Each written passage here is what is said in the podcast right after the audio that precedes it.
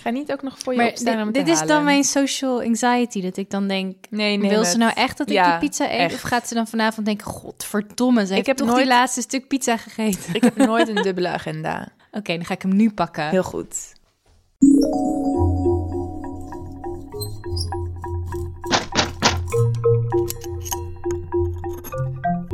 Al sla je me dood. Heel Ehm, leuk. Hoi, we zijn in een wonen. aflevering. Ja, oh, hallo. het is ook zo. Heb je trouwens gezien hoe goed deze oorbel bij deze trui past? Dat is toch echt iets heel ongelooflijks? Prachtig. Maar je hebt er maar één. in- nee, ik heb er twee, maar Oh. ik had het in Athene gekocht. Ja, want wij zijn op vakantie geweest. Ja, precies. Grapje. Ik Nee, heb me... we zijn niet... Nou, ik ben dus eigenlijk wel op vakantie geweest. Ja. Drie volle dagen in Athene. Wow. De zon scheen er. Ik Heerlijk. heb gewandeld. Ik heb koffie gedronken op het terras. Ik ben aan de zee geweest. Ik heb een voetmassage gehad. Oeh, wauw. Ik ben soort Luxe. half aangerand door de hele tijd door Griekse mannen ook. trouwens. Echt? Ja, zijn niet, de, hashtag MeToo is daar nog niet helemaal geland. Oh my god. We- Werd je echt zeg maar nagefloten op straat en dat nou, soort dingen? dat sowieso de hele tijd. En er kwam één man naar mij toe en die zei... Wil je een gratis massage? Ik zo, nou nee, bedankt. zei hij, maar wanneer kan ik je dan zien? Ik zo, nou niet. En toen bleef hij heel erg aandringen en toen zei hij, maar, maar waar zie ik je dan weer? En toen zei ik, nou in je dromen. En zei hij, oh nou weet je wat ik in mijn dromen dan doe? Als ik ga dromen over je, weet je wat er dan gebeurt? Oh nee, stop, stop, stop, stop, stop. En ja, ik zal niet verder praten, want we hebben dus 13-jarige luisteraars. Maar hij ging het heel gedetailleerd en ook op een soort heel agressieve manier uitleggen. En ik was zo best wel Gadver. alleen aan het strand. Ik, ik vertelde dit daarna aan een vriend van mij en die zei... oh, iedere andere persoon die dit aan me zou vertellen... zou ik me heel erg zorgen maken en vragen of diegene wel op een veilige plek is nu. Maar bij jou vraag ik me af of die man nog leeft. Ik wou net zeggen. Eh, en ik voel me natuurlijk dan helemaal gelegitimeerd om hem volledig uit te schelden. Dus dat heb ik toen ook gedaan. Ik zei, hier er zijn hier 3000 jaar oude stenen in deze stad. Betekent niet dat je eronder hoeft te leven. dat vond ik erg leuk zelf. Mannen zoals jij is wat er mis is met de wereld. En, eh, en nog, nog allemaal dingen. En toen liep hij soort boos weg. En hij wist niet meer echt wat hij moest zeggen. En toen kwam hij later terug. Oh. En toen dacht ik, ja, Jezus, gaan we weer. Oké, ik heb nog wel een scheldkanonade in me. Maar toen kwam hij sorry zeggen. Huh. Het vond ik dan eigenlijk ook wel weer een soort van dapper. Het is toch, zeg maar, om sorry voor je eigen dingen te zeggen, is toch altijd best wel moeilijk. Ja. En hij probeerde niet alsnog, zeg maar, zo van, oh, maar nu heb ik toch sorry gezegd. Nee, hij zei gewoon sorry en toen liep hij weg. Oké. Dus dat vond ik eigenlijk heel goed. Nou, misschien heb je hem wat geleerd. Nou, hè? Heeft mijn leven toch nog zin? Nou, vroeger kon je in Hyde Park op zo'n zeepkistje staan en dan kon je dan dingen, dingen zeggen waar je in geloofde. En misschien moet jij dat gewoon Oh. gaan doen, Ja, maar dan gewoon gaan schelden tegen iedereen die op je afkomt. het is echt iets voor mij. Ik vind het een geweldig idee. Nou, ik ga het volgens mij leer doen. je mensen zo wel heel snel dingen over zichzelf. Waar, waar haal ik een zeepkist vandaan? Ik heb het nu nodig. Maar goed, zo, hebben wij, zo heb jij drie dagen van de afgelopen vijf weken gevuld. Ja, hoe is jouw vakantie? Nou, ik, ik heb geen vakantie gehad. Nee, ik, eh, ik heb een nieuwe baan en dat is super druk. Maar wel heel erg leuk. Maar ik heb heel hard gewerkt eigenlijk. Ja, Maar nu heb ik ook wel weer zin om het even over moord en doodslag te hebben. ja, precies. Dus dat gaan we weer doen. En we hebben intussen heel veel eh, enge verhalen van jullie gekregen ook. Zal ik daar ook nog iets van delen? Laten we dat doen. Ja. Let's do it. Het is Nou. een beetje onze formule. ja, er was iemand die was detective geworden van ons. Op petje af. Altijd de leukste mensen. Sowieso. En die werd echt vijf minuten daarna of zo werd ze gebeld door een nummer dat ze niet kende uit Amsterdam. Nou, en ze hoorde een soort, met een soort rare Engelse stem hoorde ze zo van... hey, je wordt gebeld vanuit de gevangenis. Accepteer je dit gesprek? Huh? En Vanuit zij een dacht... Amsterdams nummer. Ja, dus zij dacht Amsterdams nummer. Ik ben net lid geworden van Petje Af van Als sla je me dood. Wat, eh, wat leuk dat ze dat doen, of zo. Dat dacht zij. Dus zij dacht dat het iets van ons was. Dus zij zei zo, oh ja, ja, ik accepteer het gesprek. En toen kreeg ze dus een of andere crimineel aan de telefoon. Huh? Dus het was gewoon een echt, een echte telefoontje uit de gevangenis. Maar vanuit een Amsterdams nummer? Vanuit een Amsterdamse gevangenis. Blijkbaar. Maar in het Engels? Ja, die persoon sprak Engels. Die ze aan de telefoon kreeg. Ja, er zitten Huh? natuurlijk mensen die Engels spreken in de, in de Amsterdamse gevangenis. Ja, maar dat dan dat berichtje van u, u belt nu iemand vanuit de gevangenis. Ja, het maar misschien omdat ze dus dachten dat ze ook naar een Engels persoon toe belde, zeg maar. Oh ja. Dat het gewoon een verkeerd nummer hadden ze gewoon gedraaid. Maar echt super toevallig, zo vlak nadat zij dus lid was geworden. Dus zij was helemaal in de war. En pas toen ze echt diegene aan de telefoon kreeg, toen begreep ze van, oh, maar wacht, dit is gewoon echt. Dit is echt iemand uit de gevangenis. Wat Toen de- creepy. Ja, toen heeft hij heel snel opgehangen. Oh my god. Ja, Maar dat zijn wij niet hoor. nee, wij, dat wij zijn doen dat niet. niet. Nee. Wij sturen leuke briefjes per post als je je Ja, met achterlaat. stickers en zo. En En gezellige roze. Ja. Ja. Wat zou jij doen als je zomaar een telefoontje uit gevangenis kreeg? ja, ik zou toch ook heel nieuwsgierig raken. Ja, ik ook. Is wel even wat nieuws nu, na, we, na onze vakantie. Ja, precies. We hebben, we hebben vakantie gehad en we hebben ons gerealiseerd dat er een paar dingen gaan veranderen. En ik durf het eigenlijk niet te zeggen. Wil jij ik ook niet, ik vind het heel naar. ik zeg het wel. Oké. We gaan vanaf nu één keer in de twee weken een aflevering maken. Kost Ja. heel veel tijd. En dat is een beetje lastig op dit moment. Betekent niet dat we niet ooit weer naar wekelijks gaan. Dat zouden we heel graag willen. Maar Ja. het zit er nu heel eventjes niet in. Eigenlijk is het heel erg positief nieuws, bedenk ik me nu. Mm, Want als we niet naar om de week zouden gaan, dan zouden we dit helemaal niet volhouden. Dus dan had je helemaal geen afleveringen meer. precies. Ja, Ja, we vinden het veel te leuk. We willen doorgaan, maar het was af en toe een beetje gewoon te heavy. Dus om de twee weken krijg je een banger van een aflevering. Volledig geresearched. De allermooiste, speciaalste zaken die je nog nooit gehoord had. Of die je wel gehoord had, maar dan helemaal met een nieuw sausje. precies. En we kunnen nu dus ook extra goed aandacht aan de petje af detectives geven. Dat vind ik dan ook wel weer leuk. Ja, die krijgen gewoon nog precies hetzelfde als waar ze voor eh, getekend hebben. Dus die krijgen gewoon Ja. een hele volledige bonusaflevering per maand. Leuke specials van Ja. ons. Soms krijg je leuke filmpjes. Ja. Van alles. Komt weer een prijsvraag aan. Leuk. Waar gaan we het vandaag over hebben? Waar denk jij aan als je aan Canada denkt? Eh, aan besneeuwde bergen. Ja. En aan Justin Trudeau misschien ook. Ik weet die niet wie dat is. De, pr- de premier. Oh ja, Die leuke guitige gast. dat is, die is leuk, ja. En ik denk ook nog wel daaraan dat ze, dat ze zeg maar zo een stukje uit hun gezicht missen. Huh? Dat is in South Park. Dan als je uit Canada komt, dan heb je zo'n stukje van je gezicht is er dan niet. Dat is heel grappig. Ja. Ja. Nou, dat zijn allemaal leuke dingen. Ja. Ga ik even helemaal voor je verpesten. Oh, want, is het eigenlijk een heel stom land? Het is eigenlijk een ontzettend stom land. Oh, echt? Ja, Serieus? Ik wist het niet. Canada heeft een hele grote oorspronkelijke bevolking Ja. die ze beestachtig Oh, behandelen, ja. al decennia lang. Is dat nog steeds zo? Nog steeds. Oh, wat kut. Ja, want er waren laatst ook allemaal die massagraven gevonden. Precies. Ja, gaat het daarover? nee. maar, ja. Maar dat triggerde mij wel om daar verder in te kijken. Want ik heb wel vaker dingen voorbij zien komen over ehm, de oorspronkelijke bewoners van, van Canada. En de dingen waar zij mee dealen. En toen kwam ik toch op een verhaal waarvan ik dacht: dit is wel heel erg bizar. Oh, Dus ehm, ik ga het je vertellen. nou.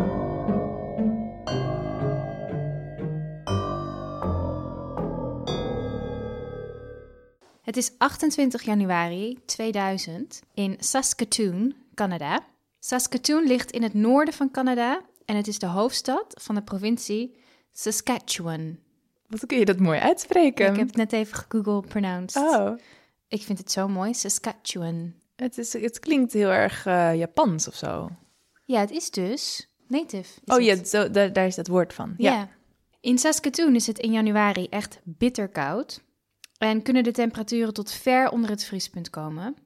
Het was dan ook min 22 graden Celsius die avond. Toen de 33-jarige Daryl Knight na een avondje stappen met vrienden op een huisfeestje belandde. Rond een uur of vijf die ochtend brak er echter een gevecht uit tussen een stuk of vier mensen op het feest en werd de politie gebeld. Daryl was een man van de Cree-stam uit het Salto First Nations reservaat. En toen hij hoorde dat de politie werd gebeld, voelde hij erbij al hangen. Hoewel hij niet bij het gevecht betrokken was, dronk hij wel eens te veel en was hij wel eens eerder opgepakt door de politie. En ook nu had hij net even een stokje te veel op. Dus om niet in de problemen te raken, wilde hij snel weggaan. Hij had dus niet gevochten, maar hij dacht gewoon... omdat ik een beetje dronken ben, dan gaan ze mis- misschien ook oppakken. Want dat Ja. is op zich niet verboden, toch? Ik denk dat het gewoon een beetje uit de hand liep op dat feestje. En dat hij dacht, wegwezen. Ik wil hier niet ja, ja, gewoon niks mee te maken van- hebben. Ja, oké. Straks komt de politie en wie weet wat er gebeurt. Ja. Hij liep daarom het huis uit in een gevoerd spijkerjasje, een spijkerblouse en jeans. Hij was echt te licht gekleed om de temperaturen van min 22 aan te kunnen. Ja, ik wou net zeggen, dat klinkt heel koud. Ja, dat heb ik nu al. Het is eh 17 graden buiten. En ik heb al... Nu al inderdaad met drie bontjassen aan hier. ja. Maar Daryl's zus die woonde maar een paar honderd meter verder. Dus hij wilde gewoon naar haar huis toe hollen om daar op de bank te slapen. Oké. Maar terwijl hij dus het huis uitliep, kwam de politieauto voorbijgereden. Daryl die gaf ze heel slim de middelvinger, waarop de politieauto uiteraard omdraaide. Er stapten twee agenten uit die Daryl staan hielden. Daryl begon een beetje tegen ze te schelden. Dat ze naar binnen moesten gaan om daar met het gevecht te dealen, want hij had er niks mee te maken. Waarop de agenten aannamen dat Daryl een van de ruzieschoppers was geweest, hem handboeien aandeden en bevolen om in de auto te stappen en mee te komen. Oké. Daryl die stapte in en dacht dat hij een nachtje in de drunk tank zou moeten doorbrengen. En dat is dan zo'n cel in het politiebureau waar dronken herrieschoppers voor een nachtje opgesloten worden en dan de volgende dag worden ze weer vrijgelaten. Ja, oké. Daar was hij wel een beetje mee bekend.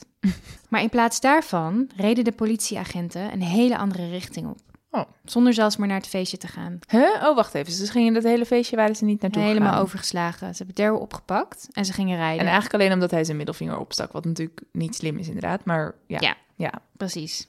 Ze reden naar het zuiden, de stad uit. Het begon Daryl te Oh, dagen nee. dat de agenten hem nooit om zijn naam of identiteit hadden gevraagd. Of iets via de radio hadden doorgegeven aan collega's. En waren dit wel echte agenten? Het waren wel echte agenten. Oké. De agenten bleven stil en weigerden verder tegen hem te praten toen hij vroeg waar ze heen gingen. Toen hij zag dat ze het einde van Saskatoon hadden bereikt, werd hij bang. Ze waren in een onbewoond, leeg veld, zo'n vijf kilometer buiten de stad, toen de auto stilstond. Oh my god. Een van de agenten liep de auto uit en dwong Daryl om ook de auto uit te stappen. De agent deed zijn boeien af, schold hem uit voor fucking Indian en schopte Daryl in alleen zijn spijkerjasje de min 22 graden sneeuw in. En toen gingen ze weg, reden ze weg. What the fuck? Terwijl de agenten wegreden, keek Daryl ze na en onthield hij het nummer dat achter op de politiewagen stond. Slim. Wagen nummer 57. Vanaf dat moment zetten de agenten hun status weer op beschikbaar naar de politiecentrale en reden ze weer de nacht in. Alsof er niks gebeurd was. Alsof er niks gebeurd was. Deze agenten die eigenlijk naar dat feestje hadden moeten gaan om die ruzie op te breken en te onderzoeken, hadden in plaats daarvan besloten om Daryl op te pakken en buiten de auto uit de stad te gooien, zonder maar zelfs naar zijn naam te vragen. Wow. Maar ook zo, het klinkt ook als een soort heel spontaan besluit. Omdat hij daar dus liep. En, Heel willekeurig. en ook dat ze dat dus met z'n tweeën samen doen zonder daar echt heel erg over overleg te hebben, blijkbaar. Hmm. Dat zegt wel iets over hoe diep die haat dan dus zit. Ja.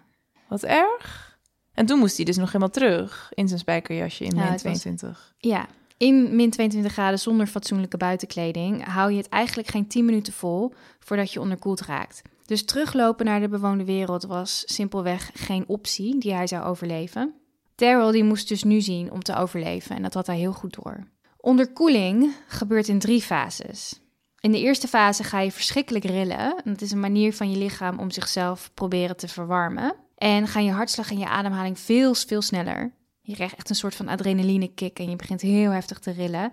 En je raakt ook in de war en je verliest een beetje de gevoel van realiteit. Ja, oké. En- Vingers en tenen kunnen in dit stadium ook bevriezen om de rest van het lichaam warm te houden. En dat rillen wordt dan erger en erger en erger. En in de tweede fase slaat de sufheid in en gaat alles juist trager. Dus je ademhaling, je hartslag wordt lager, je bewustzijnsniveau daalt. En dan ineens stopt het rillen. En dat is de derde fase. En dat gebeurt als het lichaam zo'n 8 tot 10 graden onderkoeld is van Oh, de gebruikelijke 37 graden. Mhm. En dan voelt het ineens alsof je het bloedheet hebt. Oh. En dat zie je wel vaker bij mensen die onderkoeld zijn, dat ze ineens al hun kleding uittrekken. Oh, omdat ze het heel warm hebben. Ja. Ja. En als dat gebeurt, dan is de dood echt heel dichtbij. Oké. Gelukkig was Daryl redelijk bekend met de plaats waar hij was achtergelaten. En hij wist dat er een eindje verderop een elektriciteitscentrale was, de Queen Elizabeth Power Station. En hoewel het best ver was, probeerde hij daar dus zo snel mogelijk heen te lopen. Het duurde 20 minuten voordat Oeh. hij de centrale had bereikt. En hij was zich ervan bewust dat hij in fase 2 van onderkoeling bevond. Hij was suf, alles ging trager en slomer en zijn spieren werkten gewoon niet meer mee. Hij, hoe hard hij ook probeerde, hij kwam maar niet vooruit. Echt dat Oh. gevoel alsof je zo... oh. Het is echt super eng, vooral als je dan ook weet wat er gebeurt. Als je dat, zeg maar, weet hoe dat werkt met onderkoeling. Ja, ik denk dat heel veel mensen in dat gebied van de Ja. wereld dat echt weten. Ja. Dat dat dus een serieuze Ja, dreiging. dreiging is als je je huis verlaat. Eenmaal bij de centrale aangekomen was het zes uur 's ochtends en liep Daryl alle deuren en ramen langs, luid bonkend en schreeuwend, oh, maar... in de hoop dat er iemand aanwezig was. Oh.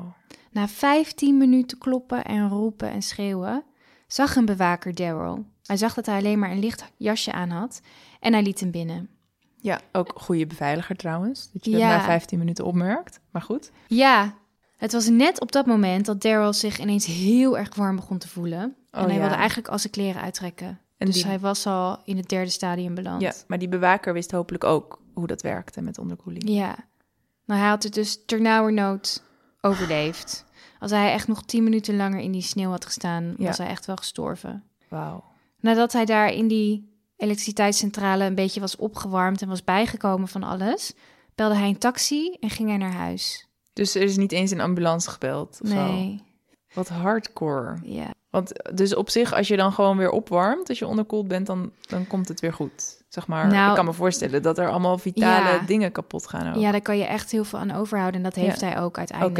Oké, ja. Ehm, dat hij echt wel, zeg maar, last van zijn oren had. En eh, nou ja, er gaan gewoon heel veel je organen die, die werken gewoon niet meer. Om jezelf, zeg maar, in leven te houden, gaat gewoon alles één voor één uit. Ja, en ook als je bijvoorbeeld je handen en voeten bevriezen, dan dat Ja, is volgens mij ook wel op Met een gegeven moment en zo. Ja, is, krijg je blijvende schade, denk ik. precies. Ik ben wel eens één keer in, de, in dit soort temperaturen geweest, maar natuurlijk met heel veel kleren. En dan had ik ook één keer één seconde echt mijn hand uit mijn handschoen gedaan. En dat was al zo intens Mm, dat ik me echt helemaal niks bij voor kan stellen hoe je dit überhaupt meer dan vijf minuten kan volhouden. nee. Hij was ook wel best wel een grote gezette man, Daryl. Dus ehm wordt ook gedacht dat dat geholpen heeft. Ja, dat, dat hij gewoon best wel stevig was en dat hij wel gewoon goed tegen een stootje kon. Maar ja, hij was ook super hardcore. Hij ging gewoon naar huis en heeft daar gewoon een dag liggen bijkomen van alles Wauw. en nooit hulp Ja. gezocht. Wauw. En toen, want ik, eh, ik kan me voorstellen dat je het Ja. daar ook niet bij wil laten. Nou, dat leek alsof de nachtmerrie voor Daryl voorbij was, maar het begon natuurlijk juist. Want voor Daryl gingen er ineens allemaal alarmbellen rinkelen. Al decennia lang gingen er namelijk geruchten onder de oorspronkelijke volken van Canada over politieagenten die hun mensen zomaar oppikten en in de vriestemperaturen in the middle of nowhere buiten de stad dropten. Oh, dus dit was helemaal niet een eenmalig incident. Nee. Dit is gewoon iets wat... Dit fenomeen werd Starlight Tours genoemd. Oh, wat erg. Dit is echt heel naar. 2000 hebben we het over, hè? Ja, en het zou een verklaring zijn van de tientallen inheemse mensen die in Saskatoon vanaf de jaren 70 op mysterieuze wijze buiten de stad levenloos waren aangetroffen, door de kou gestorven. Hier was echter nog nooit bewijs voor geweest. Dus het bleef als een soort van gerucht, zo van ja, dit doet de politie, maar Maar niemand had het ooit eerder overleefd. totdat Daryl het er wel Oh. levend vanaf bracht. Ik word hier echt nu alweer helemaal misselijk van. Ja. What the fuck. Het is zo vreed, zo vreed. Maar en ook- harteloos. Iemand zomaar in de kou droppen en wegrijden. Wat, En wat heb je daar reden? aan? Ja, maar ook niet omdat, omdat iemand van een bepaalde achtergrond is. Wat? Hoe, hoe kun je dat doen? ja. Maar het is ook een soort van psychopathisch iets om te doen. Ja, Maar dan, dan rij je weg. Zonder Ja. zeg maar, ik snap er niks van. nee. Daryl vertelde het verhaal aan zijn familie en vrienden, die hem ervan probeerden te overtuigen naar de media te stappen. Naar de politie stappen was natuurlijk geen optie Nee. voor Daryl. nee Want waarom zouden goed. ze hem geloven, zeg maar, over het woord van de andere politieagenten? Nee, je moet maar net hopen dat er één soort goede agent tussen zit dan, blijkbaar. Maar ja. Maar als het zeg maar decennia lang al voorkomt. Dan. Ja, Maar echter een dag na het voorval, op 30 januari 2000, werd er het lichaam van een man gevonden die aan onderkoeling was gestorven, net buiten Saskatoon, bij het Queen Elizabeth Power Station. oh, precies op dezelfde plek dus ook weer. Ja, Dus toen snapte hij natuurlijk dat hij niet nog kon wachten en zijn mond houden. ja. Deze man was de 25-jarige Rodney Neestes, afkomstig uit de nabijgelegen Cree-reservaat genaamd Onion Lake. Hij was gevonden door een politicus die die ochtend tijdens het hardlopen de levenloze man tegenkwam. Rodney lag in de sneeuw met alleen een zwarte joggingsbroek en hardloopschoenen aan. En vlakbij hem lag een soort van dun jasje en een t-shirt. Dus hij had het ook heel warm gekregen waarschijnlijk. Ja, waarschijnlijk had hij alles uitgetrokken. Over Rodney is verder weinig bekend. Zijn familie heeft geen media-interviews gegeven. In het onderzoek naar zijn doodsoorzaak, echter, dat heet een inquest in Canada, werd ervan uitgegaan dat Rodney er zelf vandoor was gegaan en dronken de stad uitgelopen was, met alleen een, een jas over zijn lichte joggingskleding. Nou, dat is natuurlijk totale onzin, begrijpen we inmiddels. En ook zover lopen de stad uit kan dus eigenlijk al Nee, niet joh. eens. Nee. Nee.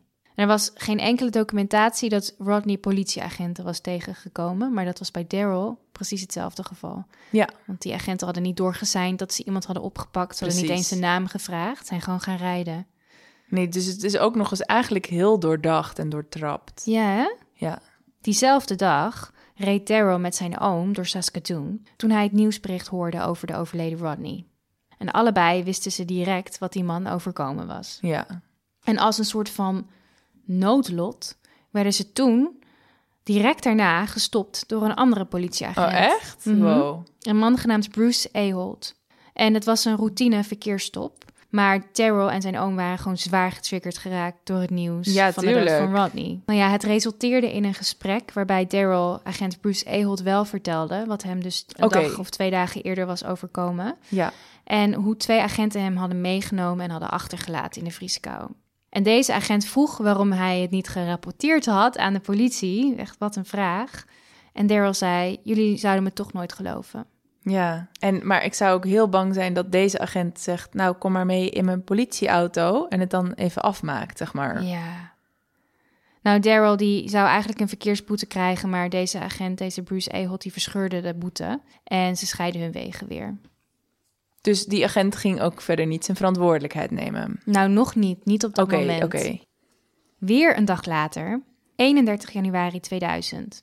De 29-jarige Lawrence Wagner had problemen. En hij was recentelijk uit een woongroep geplaatst omdat hij verboden drugs had gebruikt. En is dit ook iemand van de oorspronkelijke bewoners? Ja, zijn vader was van Duitse afkomst en zijn moeder was een Salto First Nation vrouw. En hij was daar ook op het reservaat opgegroeid, net als Daryl, maar ze kenden elkaar niet trouwens.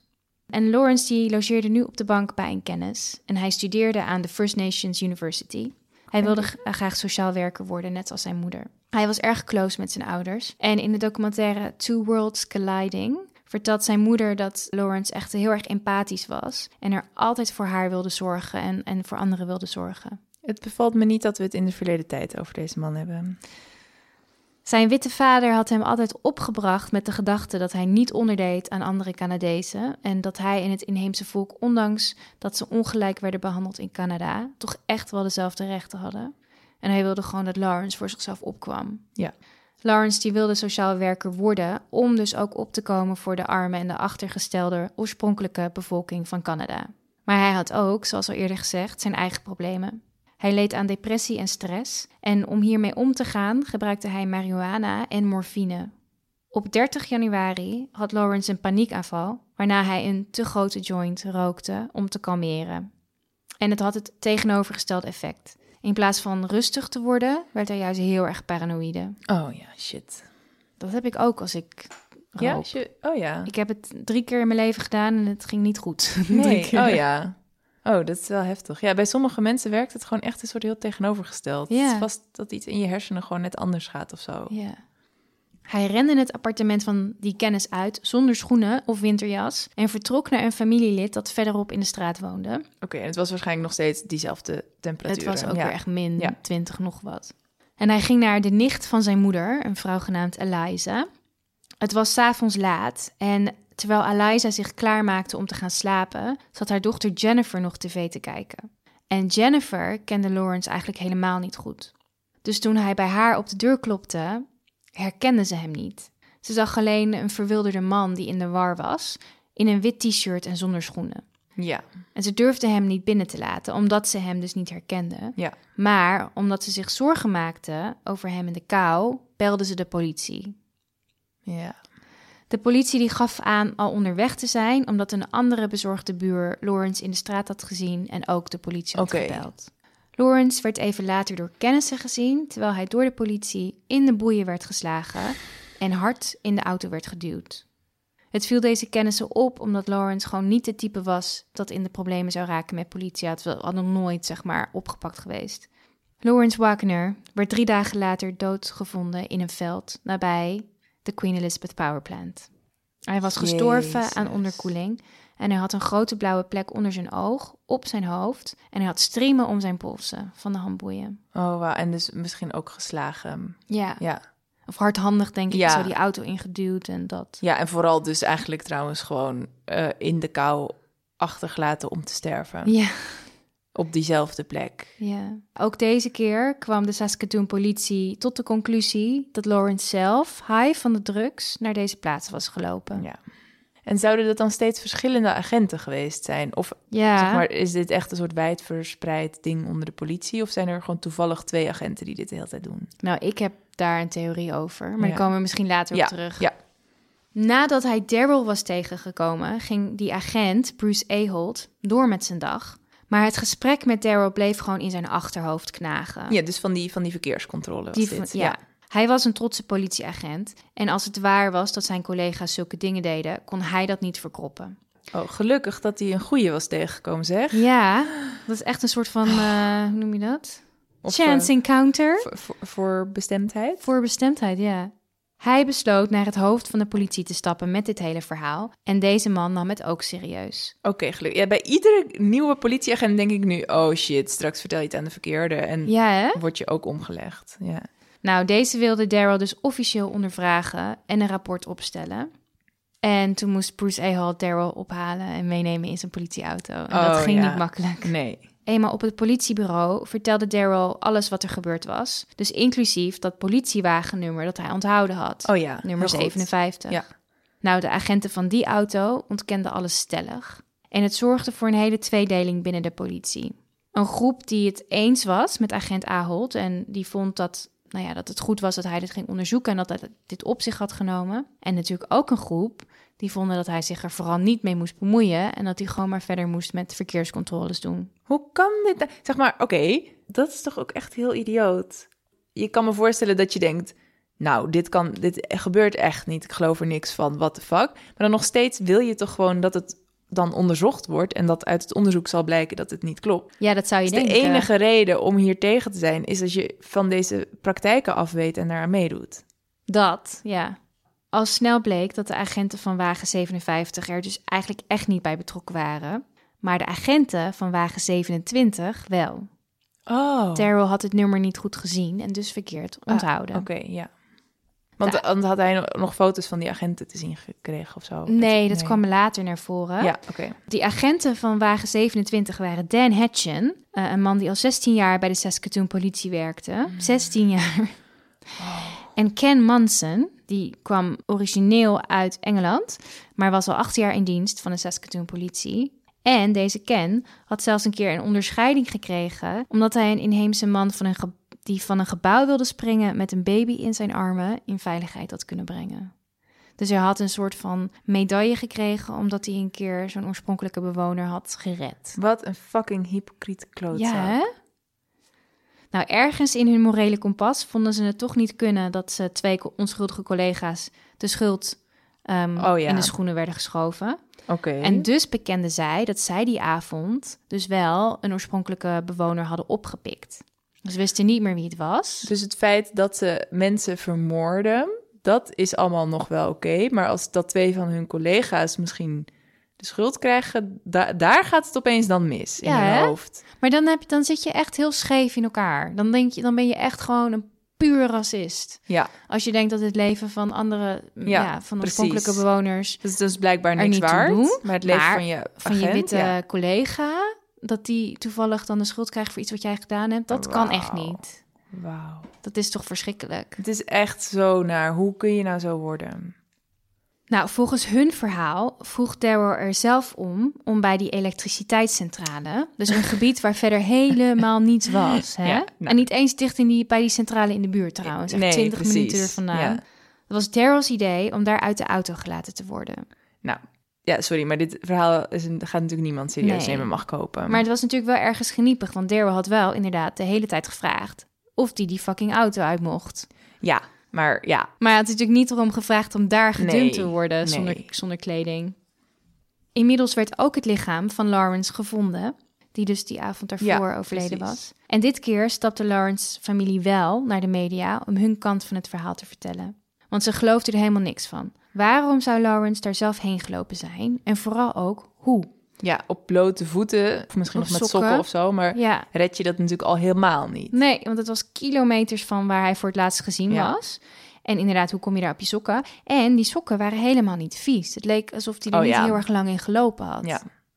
Het kwartje begon ook te vallen bij journalisten in Saskatoon, die ook een eigen onderzoek startten. Ja, en die, die dit gerucht natuurlijk ook al wel kenden waarschijnlijk. Ja. Maar dan nu ook wat meer bewijsdingen kregen. Maar dat was echt een gerucht dat echt gewoon ja, bij de inheemse bevolking, bij de inheemse mannen, de ronde deed. Ja, en ik maar denk niet er zozeer bij de witte bevolking of bij de andere Canadezen. Maar toch niet alle journalisten zullen wit geweest zijn, of wel?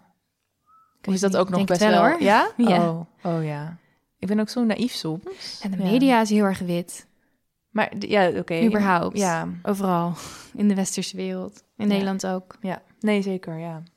Ja, oké. Nou ja, want zij begon het ook aan elkaar te knopen. Twee mannen die worden echt nou, dagen na elkaar dood aangetroffen. Op dezelfde wijze in dezelfde buurt. En er was dan ook een derde, Daryl, die Ja. ternauwernood ontsnapt was aan hetzelfde lot. En met dat verhaal. En nu kwamen ook de ouders van Neil Stonechild naar voren. Ehm, hun 17-jarige zoon Neil was op 25 november 1990 onder dezelfde omstandigheden dood aangetroffen. Gestorven aan onderkoeling buiten de stad. Ja, tien jaar eerder dus. Tien jaar eerder. En hij was van een Salto First Nations. En hij had die avond samen met een vriend iets te veel gedronken op een feestje. En de laatste keer dat hij door deze vriend was gezien, was toen Neil werd opgepakt door de politie. Oh, en ja. hij gehandboeid met een flinke hoofdwond achter in een politieauto zat. Oké. Het leidde allemaal tot een enorm debat over de behandeling van oorspronkelijke bewoners in Canada door politie, justitie en politiek, met Saskatoon in de spotlight daarvan. Maar het was ook wel weer heel erg stereotyperend, voornamelijk over de First Nations. Die werden afgeschilderd in de media als lui, drugsverslaafd, crimineel. En dat zien we wel vaker natuurlijk. Het is echt een klassiek voorbeeld van koppen die worden geleid met drugsverslaafde Native Canadian doodgevonden na nacht binge drinken. Ja, oh ja. ja. In plaats van een persoon die letterlijk in de kou was ja, achtergelaten. ja, ja.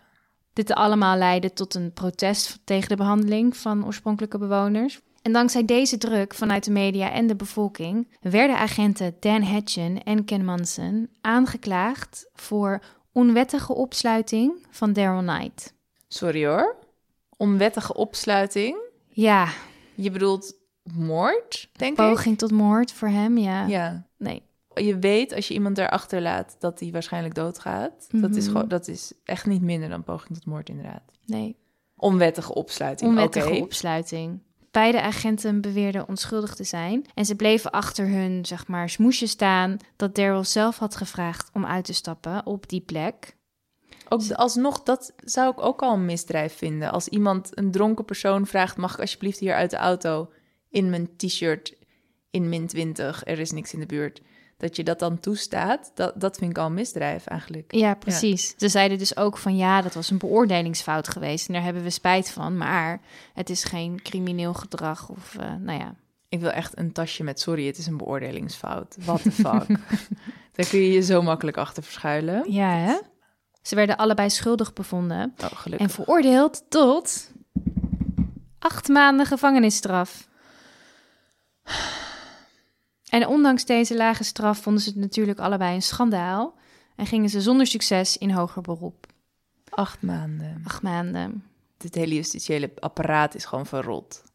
Ja, want ook in de dood voor Lawrence Wagner, Rodney Neestes en die oude zaak van Neil Stonechild werd niemand opgepakt en is er nooit gerechtigheid gekomen. En wel nog een beetje onderzoek gedaan? Of misschien ook niet nou ja, echt? Ze hebben onderzoek gedaan naar al deze moorden en er was geen bewijsmateriaal dat kon duiden hoe en waarom deze mensen om het leven waren gekomen. Ja, ik En- dat ze echt heel goed onderzoek hebben gedaan. Ja, en of de schuld was van de politie en hun Starlight Tours, dat konden Ja. ze gewoon niet bewijzen, kon je niet zien.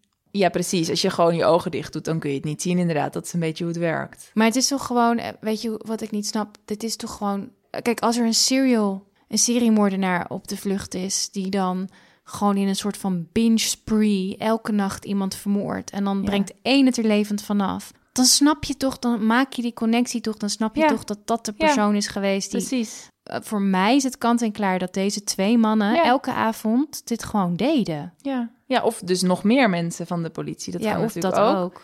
Dus dat het een soort organisatie is in plaats van wat het nog veel erger maakt dan één psychopaat. En daar kan je dat wat tegenspreken, omdat natuurlijk wel uiteindelijk de politie dit een soort van serieus nam. Zeg maar die Bruce Ahold en zo. Ja, Maar ja, ook weer niet helemaal natuurlijk met Nee, wat de want- afloop ervan was. ja. Nee, en je hebt natuurlijk ook binnen een soort verrotte organisatie kun je nog steeds eh, goede agenten hebben. Hmm.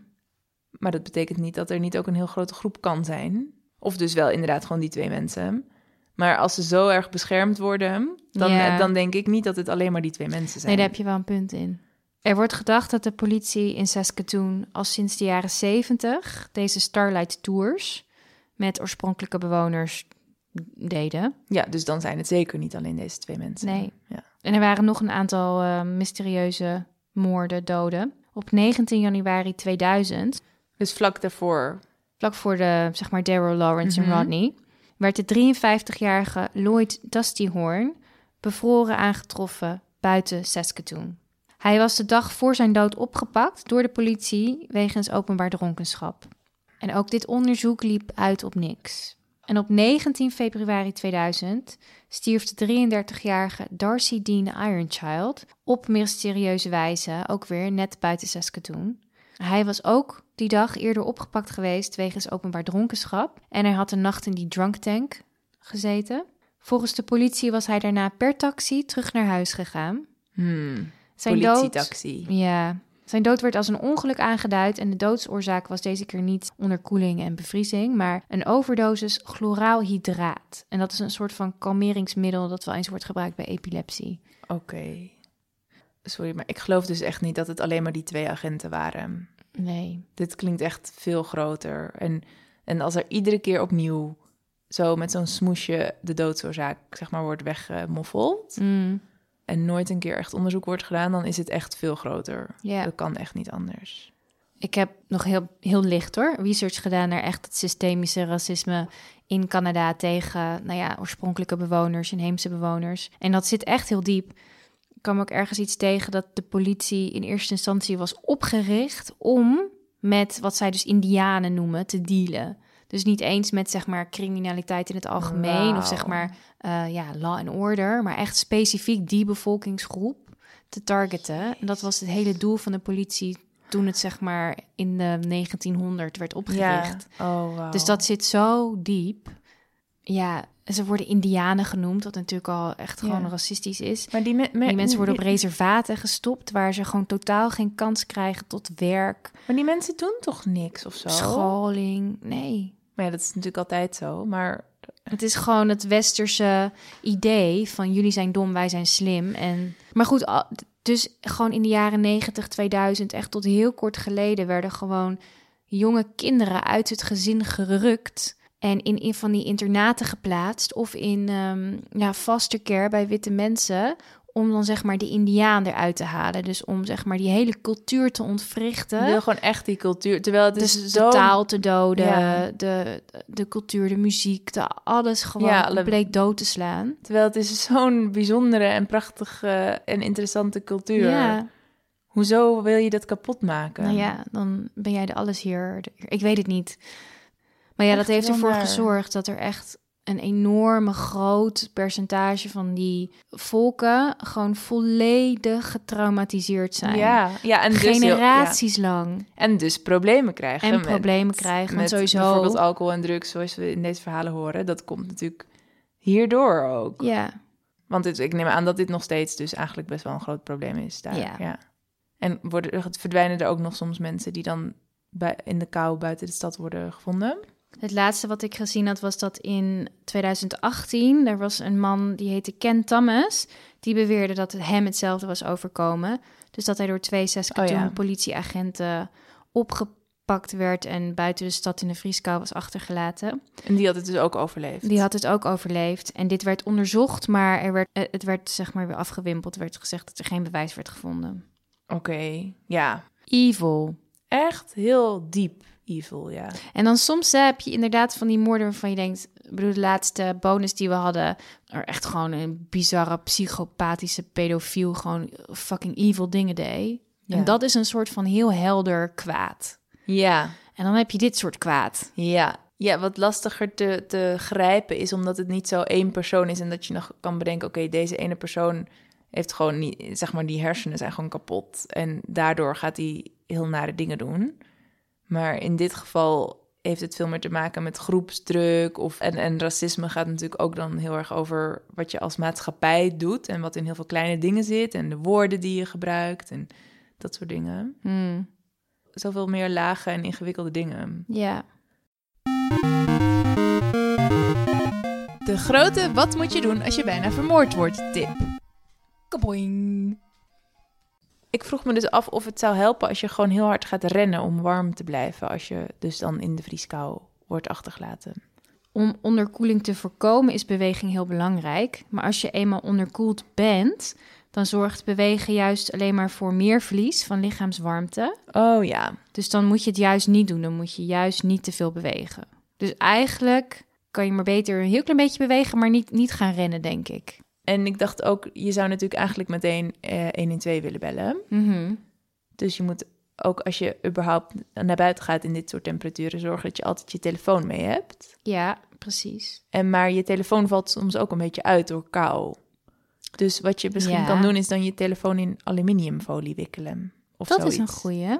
Of onder je oksel, dat die lekker opwarmt. Ja, Of zo. zoiets. Ja, en ik zag ook ergens dat als je eenmaal dan in zo'n situatie zit, dat je dan moet proberen om uit de wind te gaan. Dus bijvoorbeeld achter een rots of een heuvel of een boom of Oh ja. een kuil. En misschien een vuurtje maken als het kan. Als je dingen hebt om dus om of mee hebt om een vuurtje Ja. te kunnen maken. Je kunt ook best wel goed met een vaccinelichtje kun je eigenlijk vaak al heel veel warmte creëren. Op verschillende manieren. Bijvoorbeeld door Ja. een bloempot eroverheen te zetten. Met zo'n zo'n bloempot met een gaatje. Weet je wel, kun je heel veel warmte van krijgen. Dus eigenlijk moet je altijd een vaccinelichtje meenemen ook. Oh ja, dat is een handige. Die past ook makkelijk in je zak met Precies. een aansteker erbij. Nou, het op zich is het wel goed om over na te denken. Want er zijn ook heel veel minder heftige situaties waarin je wel onderkoeld kan raken. Dus bijvoorbeeld Absoluut. ook in de winter in Nederland, zeg maar ook als het niet min 20 is. Ja. Of als je in koud water valt of zo, kun je ook best wel snel onderkoeld raken. Ik las net dat je zelfs bij temperaturen onder de 15 graden al onderkoeld kan raken. Dus En het is dus volgens mij vooral eigenlijk heel belangrijk, op wat jij net zei, die drie fases van onderkoeling, dat je dat goed weet. ja, Want dan kan je Goed herkennen jezelf. wat er gebeurt. Ik heb ook wel eens meegemaakt dat iemand, zeg maar, heel ver gefietst had. In, ook in de winter, heel koud. En die kon, dan- kon toen ook niet meer stoppen met trillen. Daarna, Mm. Echt best wel lang nog daarna. oh jee. En nu denk ik, oh, maar hij was toch ook gewoon onderkoeld. Ja, Het had ook heel koud en het was heel, echt heel heftig. Maar dat was Oh. gewoon in Nederland in de winter vier uur wielrennen, zeg maar. oh, Ja, dat zielig. was gewoon onderkoeld. Dus, maar dat heb ik me nooit gerealiseerd. Nee, Dus het is eigenlijk gewoon heel belangrijk om het te, te herkennen. ja. hey, we hebben dus heel erg veel nieuwe detectives. Want we waren op vakantie. Jongens, pak een kopje thee. Ja. Eh, We ja. ko- ze komen. Heel veel, heel veel dank aan alle nieuwe detectives. ja, zo lief dat wij dus gewoon even op vakantie zijn en even moeten bijkomen. En dan dat iedereen dan detective wordt. Ja, en dan ook al die lieve berichtjes van jullie allemaal. Als Ja. jullie detective worden, maar ook via Instagram, Ja. via de mail. Zo, zo- lief. zo echt vet. zo fijn. En inderdaad, iedereen die ons een soort fijne vakantie ging wensen en zo. Ja. Het is echt zo lief. Nou, dus ook onze dank is mega groot voor al onze nieuwe detectives. Zoals Els, Lisanne, Tinka, Suzanne, Jelmer, Lola, Fleur, Jorma, Janna, Imke, Maxime, Nikki, Patricia, Lisbeth, Nora, Lisa, Jolante, Janine, Lisa, Maura, Sophie, Noor, Sari, Hans, Marit, Senna, Fenna, Meta, Jannelien, Manon en Amin, Astrid, Laura, Brit, Eva, Tanuja, Anouk, Monique, Sanne, Dominique, Shenka, Sharfina, Femke, Erik, Sjoerd, die het cadeau heeft gedaan aan zijn vriendin Chloe, Francel, Sigrid, Annalisa, hey, dat ben ik bijna, ja, Meike, Catharine, Livia, Femke en Anika, Suresha, Naomi, Joyce, Charlotte, Danique, Jiska, Pasqualito, Sanne, Jill, Naomi, Eva, Rosalie, Patrick, Jadi, Jazzcat, leuk, Isis, Laura, Nog een Laura. Larissa, Eloïse. Mirjam, Laura. nog een keer, Kim Jasmijn. en Mediha. Wauw. Nou, te Ik leuk. voel me echt zo vereerd hierdoor. Ik vind Ja. het echt heel cool. Dank jullie wel allemaal. Dankjewel. Echt geweldig. En ga snel naar Petje Af dus. Ja. Ehm, ik heb er net weer iets opgezet, dus ga het even kijken. Maar dat is niet, als ze dit horen, hebben ze dit denk ik toch alweer gezien. Oh ja, ja. Verwarrend altijd met die tijd. Verwarrend. We zijn weer aan het tijdreizen. Kan ons ook volgen op Instagram. Ja, dat is ook leuk. Het Als Sla je me dood podcast. Volg ons ook even op Spotify of Apple of waar je luistert. is ook altijd fijn. Ja, subscribe kun je dan drukken, toch? Of nee, weet ik weet niet hoe dat heet. Je kan iets drukken en dan krijg je, automatisch iets te zien. Ja, Ja. oké. Oké. Oké. Doei. Doei.